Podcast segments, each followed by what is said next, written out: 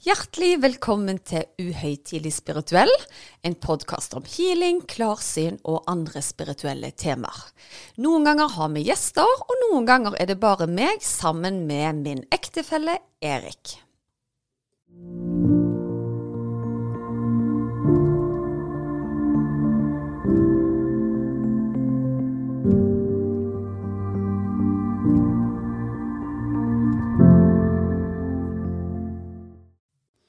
Ja vel, Susanne. Da var vi her igjen.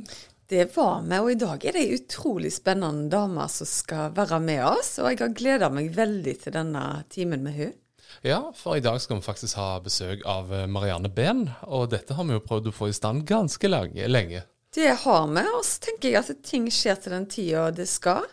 Og Marianne har jo mye erfaring innen det alternativet i hermetegn. Jeg mener jo at det ikke er alternativt, det er helt naturlig.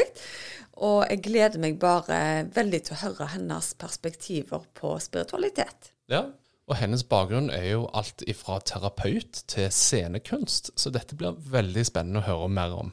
Absolutt, og hun har masse erfaring innenfor yoga. Hun er dyktig med dette med krystaller. Så hun har et veldig bredt spekter vi kan snakke med henne om. Ja, det gleder jeg meg til å høre mer om. Så hjertelig velkommen til deg, Marianne Behn. Tusen takk. Jeg ser frem til en stund sammen med dere to. Ja, Veldig kjekt eh, at du hadde tid og anledning til å, til å være med oss. Ja. Jeg syns det var litt fint å kunne ta, ta meg tid til det sammen med dere. Ja, det er så kjekt. Vi er jo alltid klar for en uh, spirituell halvtime her. Eh. Helt klart. Og er det noen som inspirerer på det spirituelle? Jeg tror mange Jeg tror alle vet hvem Marianne Behn er. Og jeg ja. tror det er veldig mange som er nysgjerrige på hennes forhold til spiritualitet generelt sett. Så vi gleder oss veldig nå til å ta et dypdykk i henne. Ja. ja. Jeg tenker ja. liksom, Skal vi starte litt sånn bredt? Så, Har du liksom en opplevelse som gjorde at Hvordan ble du spirituell, eller er det noe som har kommet sakte, men sikkert? Ja, da kan jeg jo svare litt på det. Jeg vil vel egentlig si, hvis jeg skal se tilbake, at jeg har vært en slags eh, ja, lysarbeid, energiarbeider helt fra første stund. Det, ja, jeg hadde et forhold til den spirituelle dimensjonen fra dag én, tror jeg mer eller mindre. Og uh, har uh, Ja. Så det var veldig selvfølgelig Fra å kunne se ja, energier, selvfølgelig, men også kunne se ja, engler, lysvesen osv. Og så hadde jeg det sånn også at jeg kunne lese mennesker ganske godt. Og det var jo både òg, selvfølgelig, når man kan lese menneskers tanker. Noe jeg kunne og også ha et ganske sterkt og veldig fint telepatisk forhold til både trær og stener, naturen generelt. Men det var jo ikke noe jeg tenkte var så veldig spesielt for min del. Det var jo noe jeg trodde alle hadde, på en måte. Så det var vel når jeg begynte å bli sånn godt opp i ungdommen at jeg skjønte at det kanskje ikke var alle som hadde den evnen egentlig. Det var litt overraskende den veien, faktisk. Ja. Ja. Hvordan var det som ungdom når du liksom har lyst til å være inne i boksen og finne ut at uh, her var vi litt uh, du er jo ikke liksom du er ikke nærme streken, du er så langt fra streken at du nesten ikke kan se streken lenger. Vet du hva, jeg, jeg, Det er litt sånn rart å tenke tilbake på. fordi at jeg var, jeg var jo ikke Jeg hadde ikke noen følelse at den delen av meg hadde noe med noe utenforskap. eller Det er mange som sier sånn, ikke sant. Og vi lengter så tilbake. Og man kjenner på et utenforskap uh, på mange måter. Jeg kan ikke si jeg følte det akkurat sånn, det gjorde jeg virkelig ikke. Men jeg hadde jo også en nær døden-opplevelse da jeg var veldig veldig liten. Og det er vel noe som ja, har i hvert fall kanskje vært med på å forsterke at det ikke lukket seg. Og Oi. da hadde jeg jo det man sier på godt engelsk, en encounter med, med spirituelle vesen som også på en måte ønsket, eller ja, når jeg da skjønte at jeg skulle også tilbake hit igjen på jorden, så fikk jeg en veldig sånn bekreftelse på ja, vi vil være der også sammen med deg i drømmer, i naturen og ikke minst i kunsten, dansen, altså den type liv, da. Så, så min uh, såkalte reise, som jeg sier, var ikke eh, Det var liksom ikke unaturlig i det hele tatt. Og jeg vokste jo opp også i en familie hvor det var veldig Ja, det var ganske høyt under taket, både filosofisk og kunstnerisk, ikke minst. Og jeg var vel Ja, man kan jo si mange, mange ting. Men jeg møtte også på et eh, ektepar som var eh, helt definitivt, i hvert fall ja, begge kanskje, eh, hadde sterk kontakt med det spirituelle. Han hadde, var språkmektig. Han kunne sanskrit, han kunne arameisk, han kunne liksom keltisk. Altså hadde en veldig åpen fil for mange ting. Og det var vel kanskje noe gjenkjennende å møte en som jeg følte også hadde, ja, hadde mye med seg. da. Og jeg var allerede veldig tidlig med. Eh, han hadde startet en barneopera og spurte om jeg ville være med. Jeg var minstemann da. Og det var jo sånn tidlig sånn ensemblearbeid, ikke sant. Veldig spennende å være med i en eh, Ja, være, være med og skulle være på scenen når jeg var forholdsvis ung. Så det type hva skal jeg kalle det, arbeid som jeg startet så liten med, det var også noe som på en måte hadde en sånn gjenkjennende karakter til det som er mer. liksom. Jeg kjente veldig godt at den kreative biten også hørte hjemme. Jeg tenkte jo ikke sånn da, selvfølgelig ikke. For det var helt naturlig for meg å være i det. Men det var en opplevelse som jeg da Ja, som har vært med meg hele tiden. Og jeg startet veldig tidlig med å danse. Det gikk på danseskole, jeg var veldig glad i å bevege meg. Jeg var vel egentlig ganske ja, Syns det var veldig fint å være i, i, det fysiske på den måten, virkelig. Så ja. Eh, men når jeg kom til ungdommen, da hadde jeg i en god del år vært eh, eliteturner og også fortsatt med dans og teater. Og på en måte merket at det ikke var kanskje alle som hadde en sånn type åpning da, og en tillit til at det var eh, ja, at man var knyttet til de spirituelle dimensjonene. Det var um, ja, jeg, tror, jeg, tror altså, jeg, husker at jeg var opptatt av mennesker som også var, eh, begynte å se inn i det filosofiske. Begynte å, å, lese religionshistorie. Fant liksom en god del ting der som stemte med min egen opplevelse. da. Så det begynte jeg vel med når jeg var sånn ja, 16-17. Og det er klart at eh, jeg kjente jo fort om jeg møtte på mennesker som hadde det noe mer. Eh, det gjorde jeg jo. Og når det kommer tilbake til sånn healing-aspekt, da, så var min farmor Hun hadde definitivt varme hender og var en sånn klok, klok kone. Og hadde ja, absolutt en sånn healing-evne-kvalitet. Så det har nok også vært noe som har gått, gått liksom i arv på en måte. Da. Det, det jo, kan jo også gjøre. Så Det ser jeg også på mine egne barn og for så vidt barnebarn, at de har med seg med seg den, den biten også, da. Mm. Fordi jeg tenker Ja. Det er jo for så vidt uh, samme, altså to sider av samme sak å være spirituell og være healer, men jeg tenker allikevel så kan det være litt sånn kvalitetsforskjeller. Jeg tenker at man kan også ha varme hender eller føle at man kan heale folk uten nødvendigvis å ha en sånn blasting åpning. Sånn tenker jeg i hvert fall. Helt klart. Og jeg syns det er veldig interessant det du forteller om at det var ikke nødvendigvis sånn at du følte deg på utsida i barne- og ungdomsårene. For jeg kjenner meg veldig igjen i det du sier det. Jeg følte meg alltid veldig vanlig, helt til det gjerne kom opp ved senere anledninger at å ja, tenkte ikke du sånn som barn? Men eh, det var ikke noe sånt at jeg skilte meg ut som den alternative på barne- eller ungdomsskolen.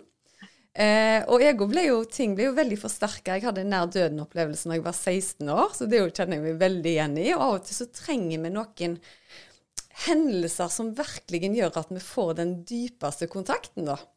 Så jeg syns det er utrolig spennende å høre hvordan du har bare vært trygg i dette fra starten, men at gjerne ekstern opplevelse har gjort deg enda mer i kontakt med kraften, da. Mm. Ja, ikke sant. Og, og det, så du kan jo si at sånn søken etter eh, Eller gjenkjennelse da, av mennesker som hadde noe lignende, eller i hvert fall en åpning, den kom jo da i ungdommen også. Og jeg begynte jo tidlig med yoga og opptatt av meditasjon. altså Det kom jo inn. Vi var jo, eller jeg sier både mannen min og jeg på den tiden da, var jo opptatt av eh, ja, det var en type hippietid, ikke sant. Og det var jo en åpning til at det var mange som eh, ja, åpnet opp da, for at det var noe mer. ikke sant? Og denne kjærlighetsimpulsen som jo kom da på den tiden der, slutten av 60-, begynnelsen av 70-tallet, som kanskje ikke var så sterkt i Norge, men vi bodde jo også i utlandet, så det kom jo mye lettere til oss da og i kontakt med mennesker du møtte, jeg møtte underveis der. da. Som også hadde det. Så det var jo en søken etter en sånn community feeling, men ikke på det at å ja, men liksom Det, det var ikke slik, heldigvis. Men, men, jeg hadde også en Og det var jo kanskje Det skjønte jeg jo ikke var å si, Det var vel kanskje da jeg også At det i hvert fall ble tydeliggjort at jeg hadde eh, noe mer, eller kall det hva du vil, med, med, da. Fordi jeg var også på søken etter Jeg var veldig fortrolig med hva som var englehierarkiene. Det kjente jeg veldig. Det var liksom veldig nært og som en sånn trygg favn. Og, og, på den tiden så ja, så jeg var aftenbønn også. Og jeg tror at det, det var liksom noe vi gjorde. Og det var noe som jeg følte var eh, Det var jo fint, for det var jo også en slags sånn avslutning på en dag, ikke sant. Mm. Og så hadde jeg det også sånn at jeg kunne si til mine foreldre Jeg hadde sånn veldig sterk følelse av sant, når du gikk inn i, inn i, natten og inn i drømmen, at man var på den andre siden på en måte, uten at det var en bevisst, bevisst ting. Men det var sånn at jeg også visste jeg at jeg skulle liksom våkne neste morgen, og da kunne jeg si når jeg la meg å, velkommen til i morgen, ikke sant. Altså for å bygge den broen. Så det var vel noe jeg begynte med veldig tidlig. Denne sirkelen, da, som jo er mellom dag og natt ja, det var liksom en av de tingene. Og så men, men, eh, det jeg skulle egentlig si, da, det var det at jeg hadde også en slags sånn søken etter eh, Det må jo finnes liv andre steder enn eh, bare her på jorden. Og det delte jeg jo med noen flere, også unge mennesker. Og også med faren min, faktisk, som også var litt sånn Ja, det må jo finnes noe mer. Så dette med å gå ut og se på stjernene, det var veldig naturlig for eh, oss i altså, vår familie, da. Og jeg syns jo det var helt fantastisk å liksom gå ut i natten og, og ta inn og se litt på stjernebilder osv. osv. Og, og dette med krystaller kom jo også veldig, veldig tidlig til meg. fordi det var en gammel tante som hadde en sånn krystallysekrone som jeg ble stående under og kjente jo liksom dette ekspanderende energifeltet da, hvor du høyner energiene dine. Det kjente jeg veldig. At det var som en slags uh, dusj eller en slags sånn Ja, mm. det sier jeg jo nå, men det, det, var virkelig Jeg kunne merke at bevisstheten på en måte ble trukket liksom videre, da. Når jeg sto under den. Og dette med å se på Det var jo ikke sånn at vi hadde voldsomt mange krystaller eller edle steder, men når jeg støtte på det, så kunne jeg på en måte merke at det var noe spesielt med, med stener og krystaller tidlig, veldig tidlig.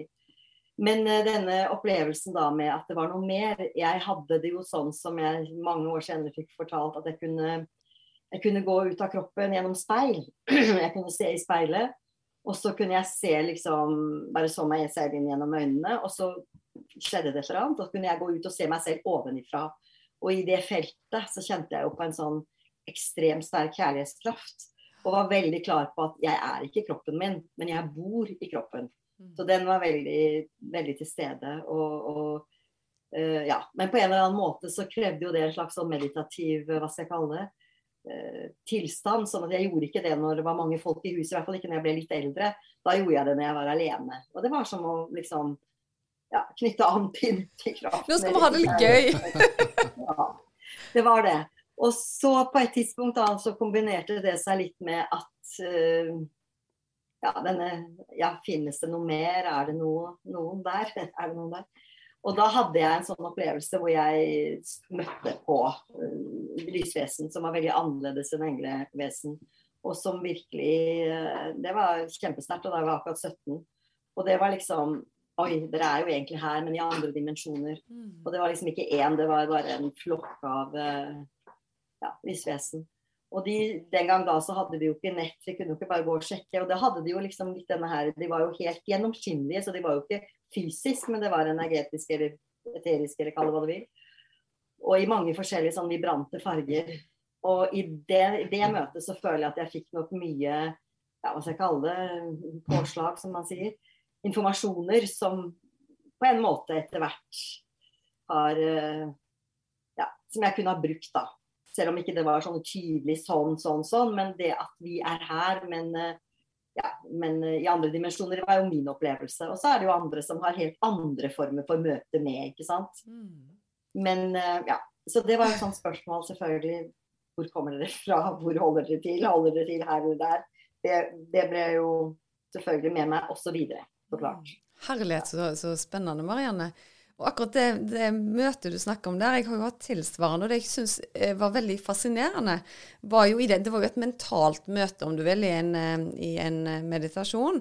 Men det jeg var veldig fascinert av, er jeg opplever det, dere som at dere ser helt like ut. Hvordan på en måte vet jeg hvem som er hvem? Og da sa de så vakkert at ja, men vi leser jo sjelen til hverandre. Så vi trenger ikke ytre ulikheter. For det er så unikt, det akkurat du er, da. Og jeg husker, jeg ble bare helt sånn varm i kroppen bare jeg snakker om det nå. Det var et helt fantastisk eh, møte. Og hvor langt disse dimensjonene har kommet da, i forhold mm. til, til oss. Mm. mm. ja. ja. det er jo sant. Så, så, du kan jo si at den, den, eh, ja, den tydeligheten på den universelle kjærligheten, den ble jo selvfølgelig kanskje det aller, aller, aller sterkeste. Mm. Og, ja, og så har jeg hatt noen andre sånn også, men da mer reiser i, i, andre dimensjoner også. Og det er jo det gjentatte, klare budskap at det er kjærlighet. Mm. Men uh, vi har jo snakket litt om uh, lysfolket, og Susanne, du har jo fått en utvikling det siste året hvor du snakker lysspråket. Uh, har du Marianne, noe forhold til lysspråk i forhold til lysfolket? Um, altså med det tenker du at du som, sånn som Lilly Bendriss, som hører litt stemmer eller hører litt sånn klanger. Ja, jeg har vel ikke akkurat uh, ak har ikke det akkurat sånn, men jeg kjenner jo at det er frekvenser som, er, som du kan nå eller høre eller, eller eh, kjenne på at nå er det en eh, connection. Det gjør jeg jo selvfølgelig. Ja, så litt mer en sånn uh, telepatisk tilnærming, da? Hva sa du nå? Ja, litt mer en sånn telepatisk ja, tilnærming. Ja, ja. Ja. Sånn er det. Mm. Nei, jeg hadde jo ikke kontroll første gangen. Da, bare kom det masse rare ord igjennom meg. Og vi hadde jo bl.a. en liveinnspilling av podkast hvor det kom kasta på meg. Og jeg og Erik visste ikke om vi turte å sende det engang. Så vi har liksom diskuterer det i episoden. Kan vi faktisk sende dette her? Og så sier vi ja, fuck it, vi sender det og lar det stå til. Og det er vi veldig glad for at vi gjorde. Så, Men det er jo dette med spiritualitet at uh, du kan aldri planlegge det helt. Du kommer gjerne når du minst uh, venter det. Eh, har du opplevd ting i løpet av ditt liv som kom uventa på deg? Nå har jo du vært i kontakt med ting egentlig helt ifra starten. Jo, det, altså det, er jo uventet, som du sier. Noen ganger kan man jo litkalle, så klart. Men andre ganger så kommer det jo på en måte fordi det, det, kommer inn, ikke sant. Men det som jeg har vært veldig opptatt av, og særlig selvfølgelig når jeg er der for andre og underviser f.eks., så er det jo da utrolig viktig å vite hva det er du snakker med, og hvem det er du snakker med. For det er klart det er utrolig mange lag mm. på den andre siden. Du har de astrale lagene, og det er jo ikke alt som tuner inn som er godt, på en måte. Og det tenker jeg er så, så, så, det arbeidet med å være veldig tydelig på hva som er hva, det har vært en sånn bit for meg fra jeg var veldig ung. Og, og, og, hvordan kan du merke forskjell? Det er jo selvfølgelig et, eh, noe du utvikler i ditt eget indre også. Om det er noe som nærer, om det er noe som tærer, om det er noe som drar og vil på. ikke sant? Det er mange sånne situasjoner også. Så jeg følte jo et veldig veldig ansvar overfor eh, ja, folk som jeg har eh, undervist, og det begynte jeg å gjøre veldig veldig tidlig. Um, ja, det kalte jeg vel kanskje ikke jo. Jeg begynte jo å undervise i yoga og meditasjon da jeg var eh, bare noen og tyve, ikke sant? eller enda yngre egentlig, første gang. Men, men, også da, hva er det som kommer inn i feltet? Og det er klart at uh, de aller fleste mennesker er jo ikke på en veldig høyere frekvens, sånn at du kan kommunisere med det som på en måte er veldig rent og høyt. Det er jo sikkert mange som da tror de er det, men kanskje ikke er det. skjønner du hva jeg mener? Men at det er veldig veldig viktig i en sånn utviklingsarbeid å, å ja, ha denne naturlige dialogen da, med hva er det som kommer inn i mm. feltet. Mm. Tenker jeg. Og nå tilbake til litt sånn fortidig også, så var det jo ja, veldig mange som ønsker å bli liksom seende. Og det var jo en av mine kjepphester. Ja, men da må du også skjønne at det er jo ikke bare lys og glitter. Det er også mye annet uh, du må se. Og han Arne Garborg, som var jo en urgammel forfatter, men som nok var en, var en slags innvidd i, ja, i de forskjellige dimensjonene. Og han skrev da boka 'Veslemøy'. Og der er det sånn at i den boken så, så, lar han henne gå gjennom en innvielsesvei. Hun mister, mister, søsteren sin, hun går over på den andre siden. Og der må hun se både skrømt og troll før hun liksom forenes med den høyere spirituelle delen, da. Og det er jo selvfølgelig litt sånn veldig gammelt, gammel, gammelt uh, epos, har jeg nær sagt. Men det er jo noe der. Og jeg tenker i alle disse mytologiene vi har, historiene vi har, så er det jo faktisk en innvielsesvei, og det må man ikke glemme. Og jeg tenker jo at uh, ja, noen av oss som har uh, kanskje kommet og har det mer naturlig, da, har gjort en innvielsesvei i tidligere inkarnasjoner. Skjønner du? Garantert. Bare, liksom, Garantert. Ja. Og, og, og, og, også i de andre dimensjonene, tenker jeg også. At man har hatt noen ja, det er, jo, det er, jo, lett å si å ja, men jeg kommer fra ditten datten dutten. Og så, men, og, og, men, det er klart vi er mennesker. Altså, vi er mennesker. Vi kan ha hatt inkarnasjoner på andre planeter. Ja, det kan vi helt klart ha hatt. Men den der på en måte Hva skal jeg si? Ja, og kanskje er man er innom på en reise. altså men her og nå er vi jo mennesker. Og jeg tenker at det er veldig viktig i um, ja, i en utvikling, utviklingsvei. da, ikke sant? At man virkelig lærer å kjenne de forskjellige dimensjonene. Helt. Fordi jeg begynte jo med noe som heter eurytmi. Det er jo sånn som man har på steinerskolene. Og det er jo ekstremt uh, altså, håper å si, der, der, der, går man jo inn og forvandler disse forskjellige euriske delene av oss som Ja, for å på en måte kunne nettopp gå inn og hente ting fra et helt annet plan eller en helt annen dimensjon. Og det er jo liksom sånn når du sier når språket kommer gjennom, altså hvordan kan man forklare i det daglige liksom, til folk og fe ja, hva holder du egentlig på med? Jeg tenker at disse yrkene jeg har valgt, er vært ofte sånn ja, vel, jeg mm, Ja. Og så finne språket, ikke sant? Forståelsesspråket. Når man ønsker å kommunisere med mange, da. Mm. Ikke sant. Så det har vært en sånn vei, da, for meg. Men også fordi jeg selvfølgelig har sett ting Jeg har jo, jeg har jo mange år på baken også. Og ser jo på en måte eh, ja, viktigheten at det også er en innvielsesvei. Det er ikke bare liksom å åpne opp, for å si det derfor jeg sa det der. Ja. Ja. Det er når vi snakket sammen. Men, men ja. Og det er vel ikke alle som tenker sånn, tror jeg. Ennå, i hvert fall. Og ja, Dualitetene, tenker jeg. Ja, Dualiteter må vi hele veien ha i, i livet. Og jeg snakker ja. om at de gangene jeg på en måte føler at kreftene mine er sterkere, er jo alltid etter jeg har hatt det beintøft. Det er ja. på en måte, De tvinger deg inn i en tilstand hvor du må ta et dypdykk i deg sjøl og virkelig jobbe deg igjennom sånn at du kan eh, manifestere kraften enda et hakk videre. da. Så det har jeg vært veldig åpen om i vår podkast, at det er ingen eh, dans på roser. Det krever mye å utvikle seg. Men så tror jeg òg du er veldig godt inne på det, det at for de som oppfatter gjerne sånne som deg og meg, som har fått det litt gratis i det vi vokste opp, jeg tror vi har beintøff jobbing gjennom mange, mange, mange liv, altså. Og jeg vil ikke påstå at jeg ikke har hatt et ganske beintøft Nei, det er jeg helt enig i.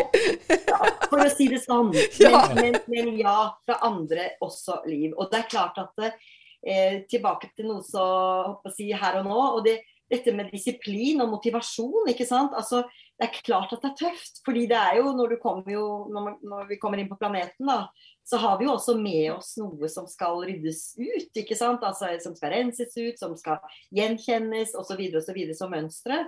Og det er klart at uh, det koster jo å ta disse dypdykkene også. Men som mm. du sier, når ting liksom har vært forløst og renset ut osv., så, videre, og så, videre, så har du en følelse av at man kanskje har fått uh, ja, litt mer, mer, å gå på. da, Mer krefter, mer letthet, mer frihet rett og slett også i det indre. Sånn tenker jeg i hvert fall om mm. det. Men, eh, men, jeg tror heller ikke at det bare er en sånn Å ah, ja, det, det, er jo ikke sånn. Nei, ingenting kommer enkelt. Så enkelt er det. det, det gjør ikke det. Men jeg tenker det som kanskje er noe av av eh, si, den store gaven også, det er jo nettopp dette i, Det har jo den, den gylne tråden, som podkasten min heter. Og det henger jo også sammen med at det, den gaven til å kanskje ja, nettopp kunne Eh, ha et, en kontakt da, med det som er mer, og en tillit, ikke minst. Også når du er i dype daler. ikke sant? Det er jo kanskje det verste når ja, det å tvile på osv. Og, så og det er det jo mange som gjør selvfølgelig på at det er noe mer, så klart. Men det er kanskje også denne prøvelsen, ikke sant. Altså, ja, hva er det man sier? Den der Man blir tatt vare på, det er fire Altså en som går ved siden av deg, og det er fire fotspor, ikke sant. Og så er det plutselig noen steder hvor eh, det bare er to. Hvorfor var du ikke der da?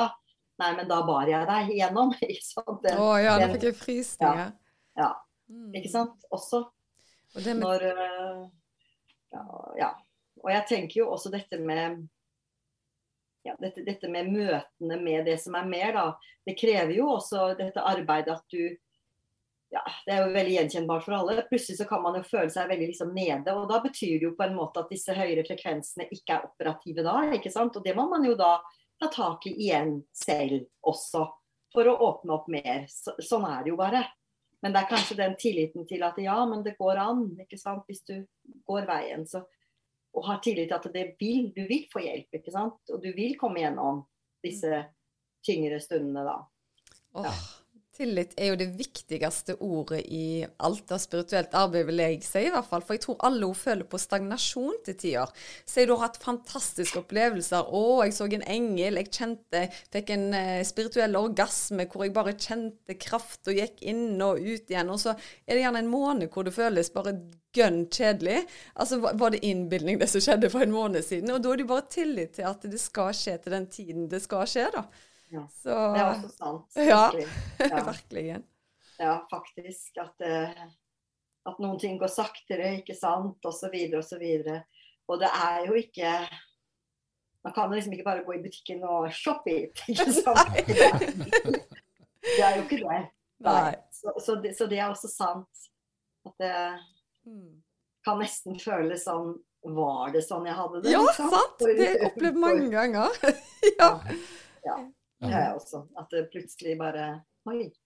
For helst så vil man jo ride on a high note hele tiden, selvfølgelig. Det er jo klart. Det er, jo det de sier. Det første fikset er det beste. Eh, det er sikkert derfor folk blir eh, narkomane nå, tenker jeg. Og så blir det på en måte jevnere etter hvert, da.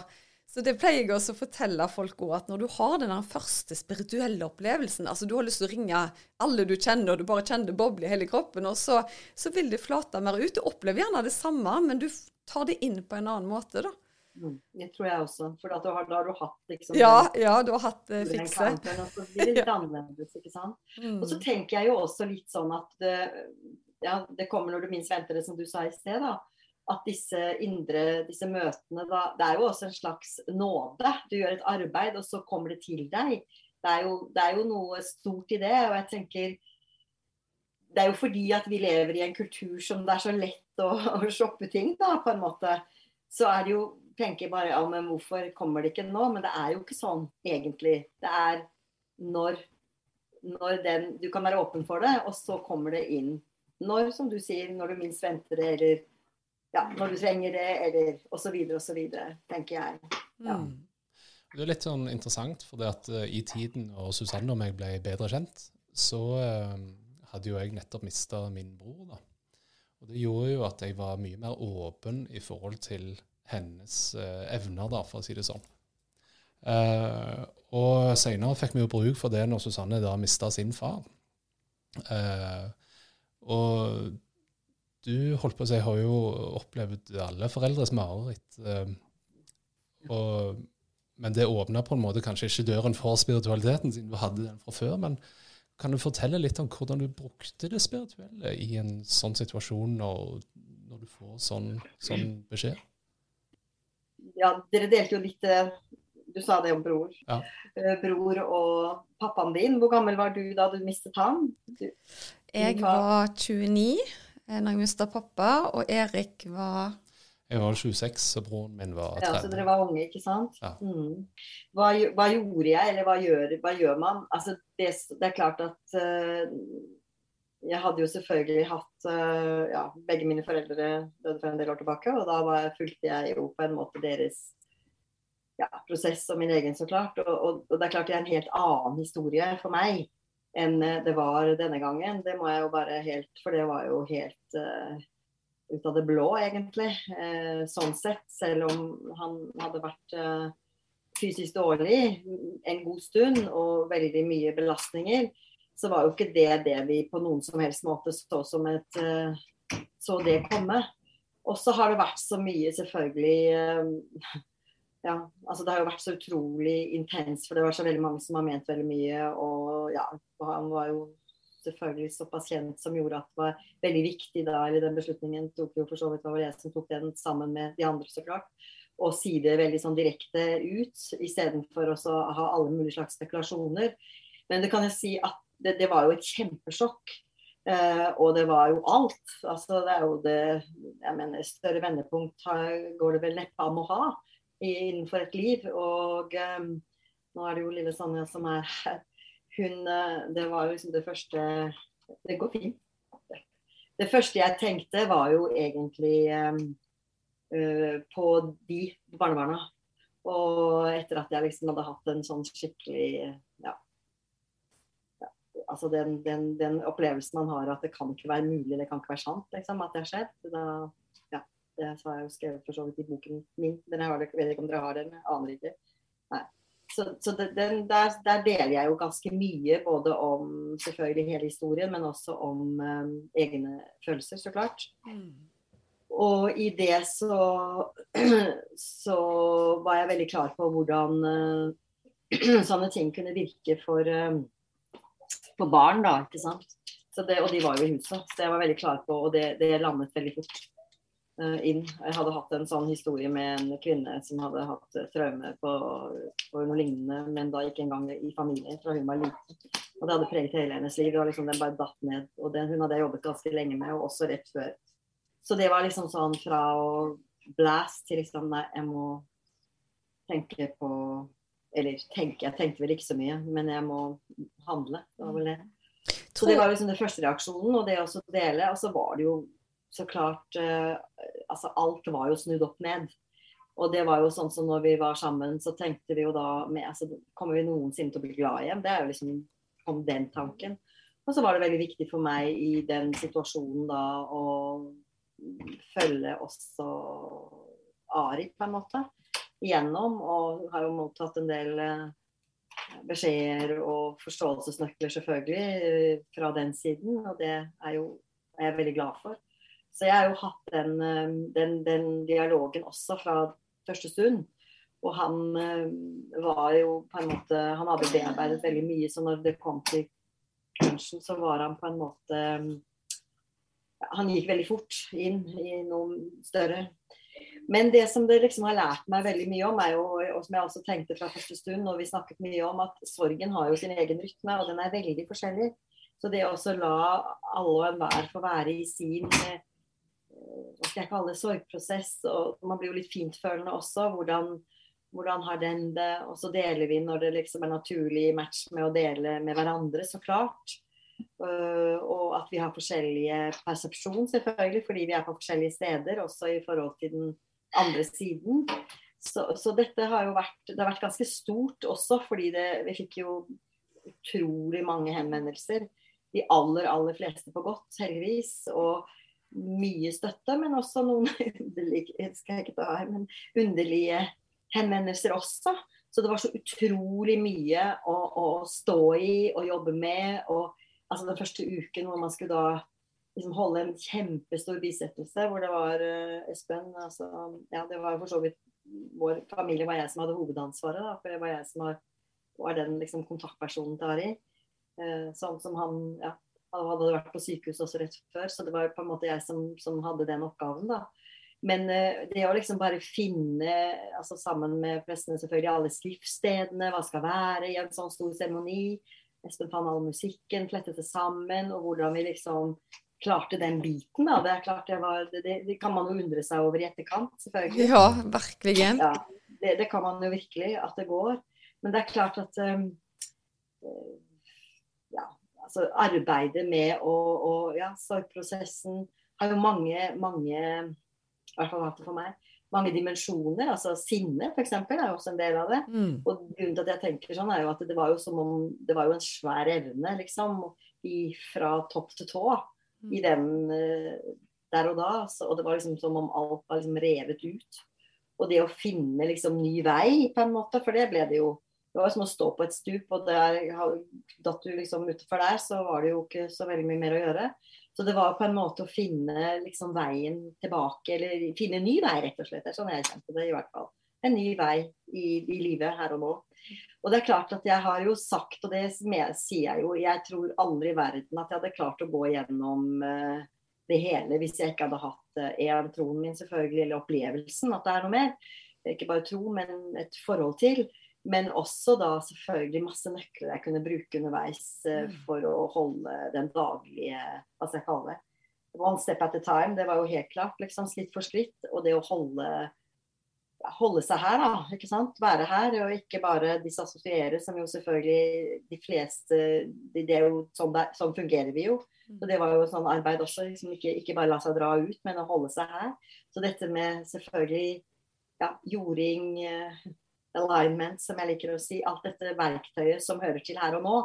Så det er klart at uh, Litt sånn tilbake til det jeg sa, at uh, ja, litt, litt, av det arbeidet som er med hvem er det som kommer inn i feltet ditt. altså Alt dette her da, av sjeldne, ja, sjeldne energier. Og så stå her, være her, rett og slett. altså Det var jo Det er jeg veldig glad for at jeg har og hadde med meg. Vi har gjerne ikke så mye valg, sant? og vi som gjerne er etterlatte, det er jo vi som har det verst. Og jeg må si at uh, det er så beundringsverdig når, uh, sånn som i din situasjon, da. Når du egentlig har nok med deg sjøl og sorgen, så skal du ikke bare arrangere en begravelse, og ikke for hvem som helst. Du skal òg være stødig i det offentlige. Så det er jo en rolle de færreste uh, mestrer, med mindre de absolutt må, altså. Og det tror jeg de aller, aller fleste oppegående norske befolkning har sett på med stor respekt, altså. Så virkelig eh, beundringsverdig. Men så tenker jeg for egen del òg, det med spiritualitet og sorg, det, jo, det, vil jo aldri være en erstatning.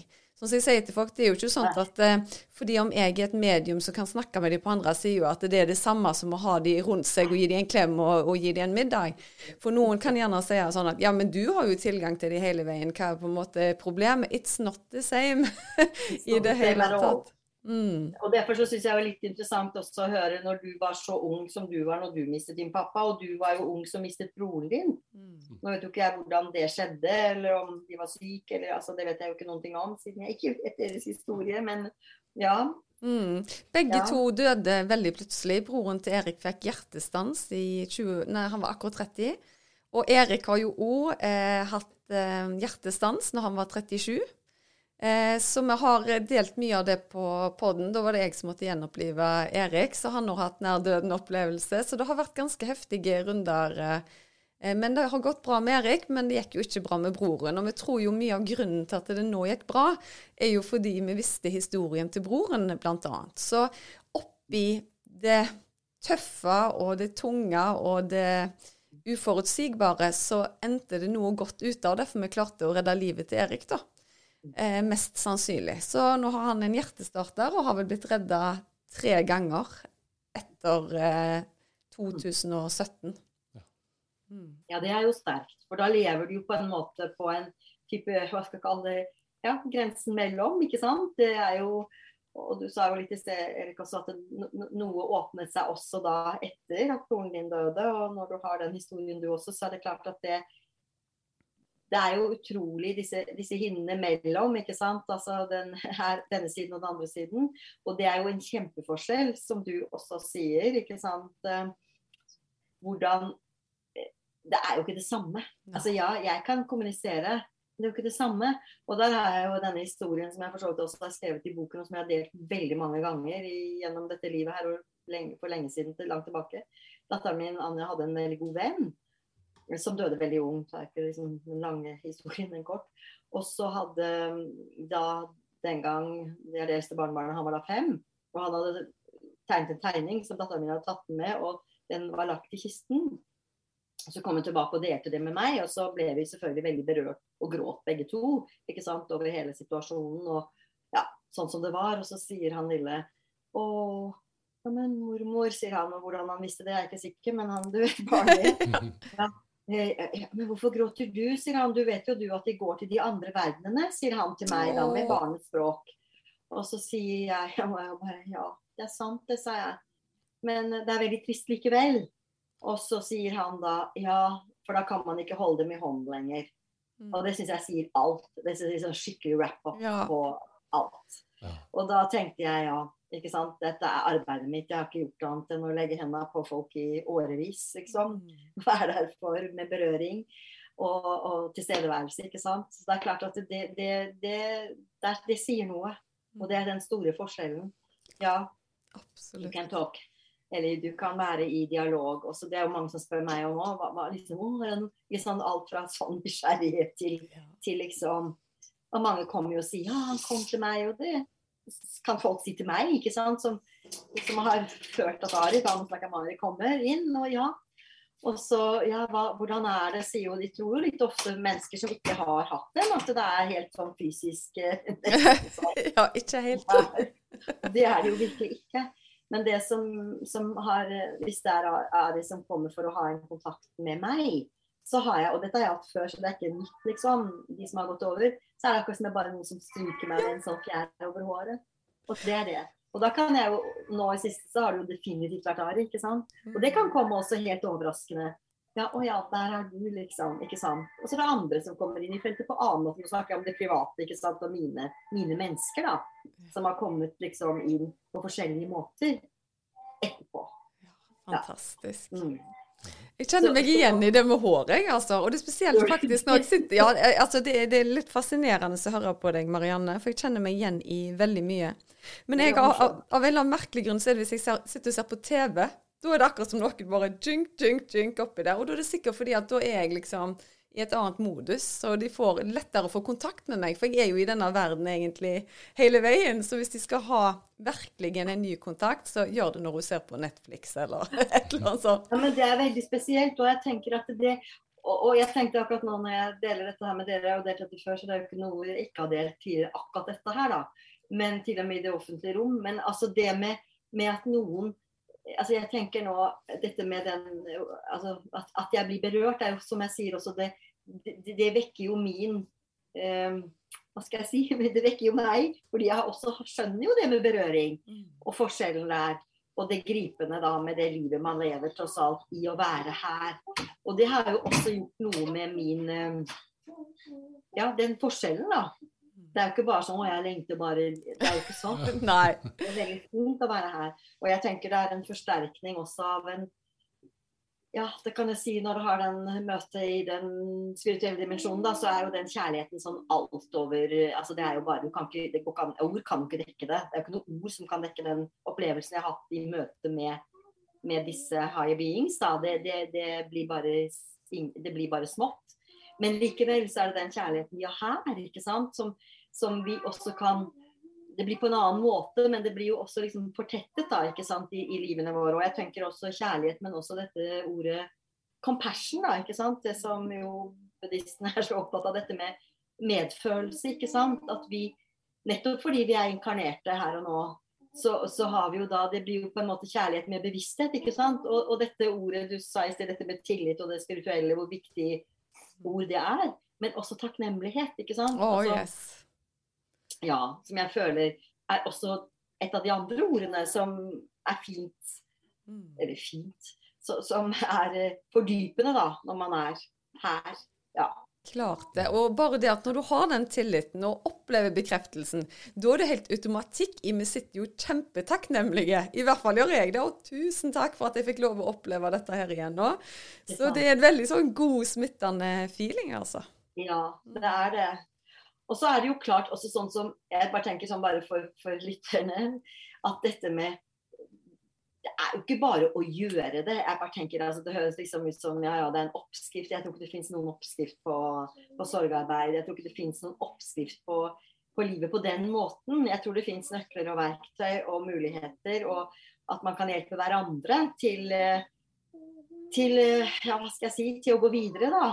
Mm. Men det er jo også mange mennesker som, som ja, de, de klarer ikke å finne liksom disse nøklene da, eller verktøyene, eller og, og jeg må jo si det er jo også Og, og det vekker jo også medfølelse, ikke sant, med, med de som ikke klarer det, kanskje. Eller i hvert fall at det tar veldig lang tid før de, før de ja, ser lyset, da, for å si det sånn. Eller eller klarer å lukke opp igjen. Og jeg må jo si ja, det tok jo i hvert fall to år. Jeg var jo glad. ikke sant? Altså Glad for å være sammen med mennesker jeg er glad i osv.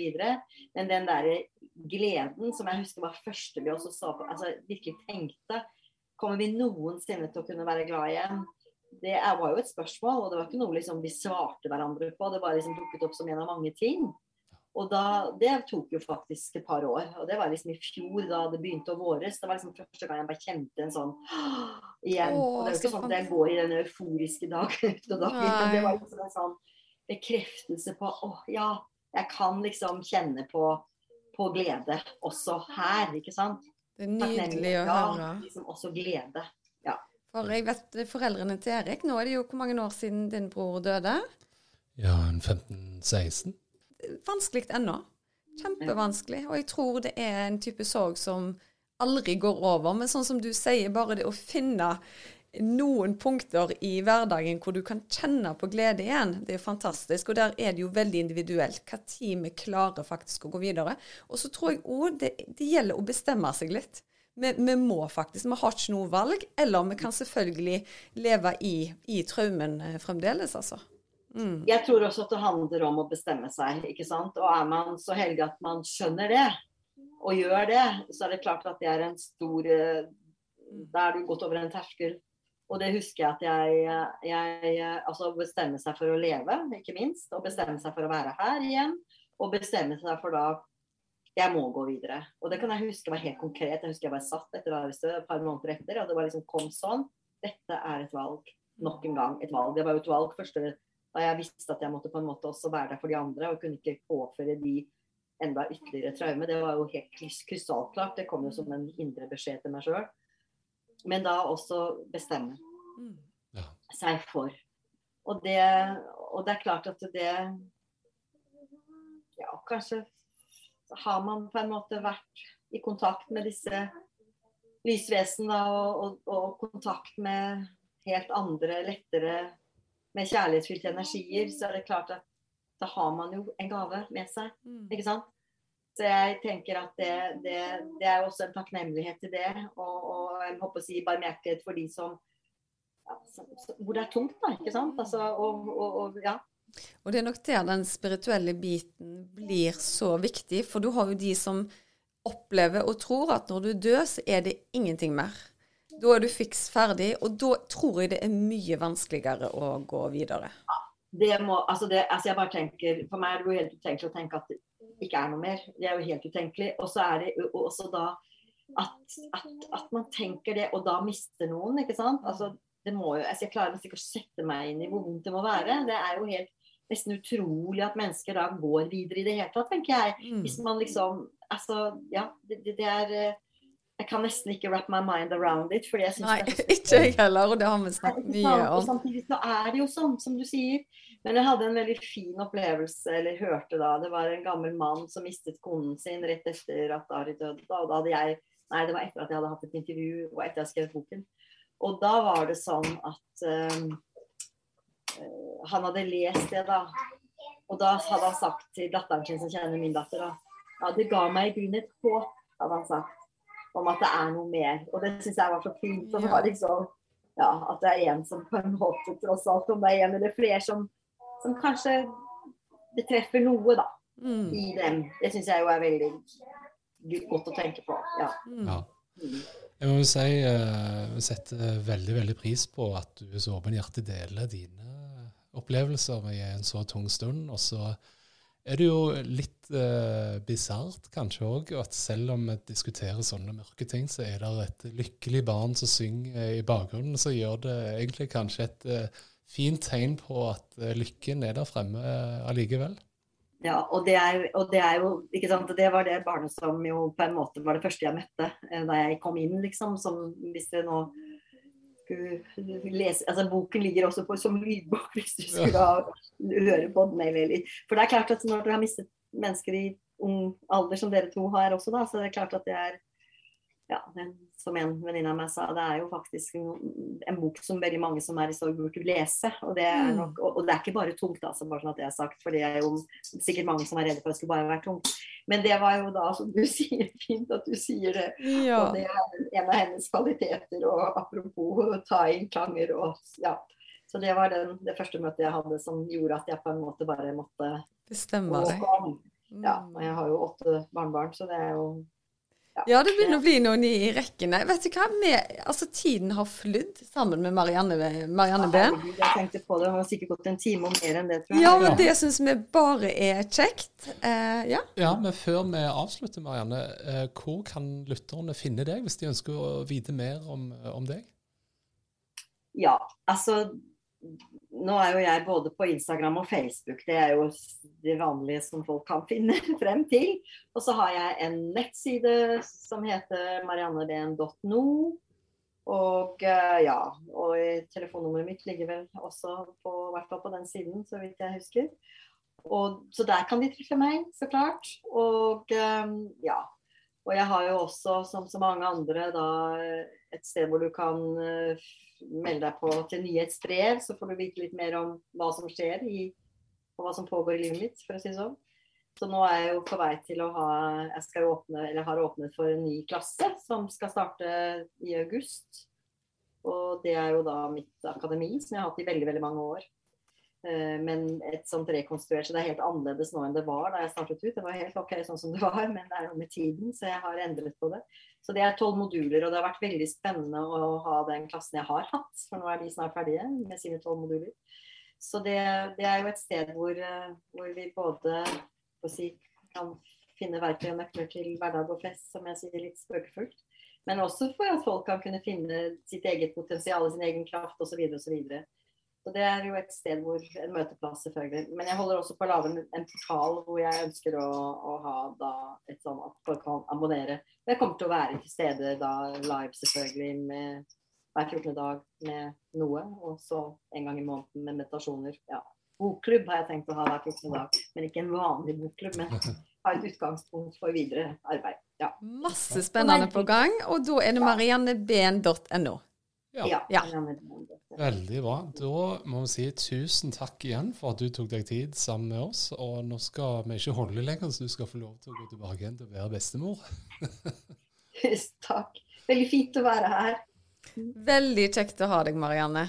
Tusen takk. Ha det, ha det. Ha det. Ha det.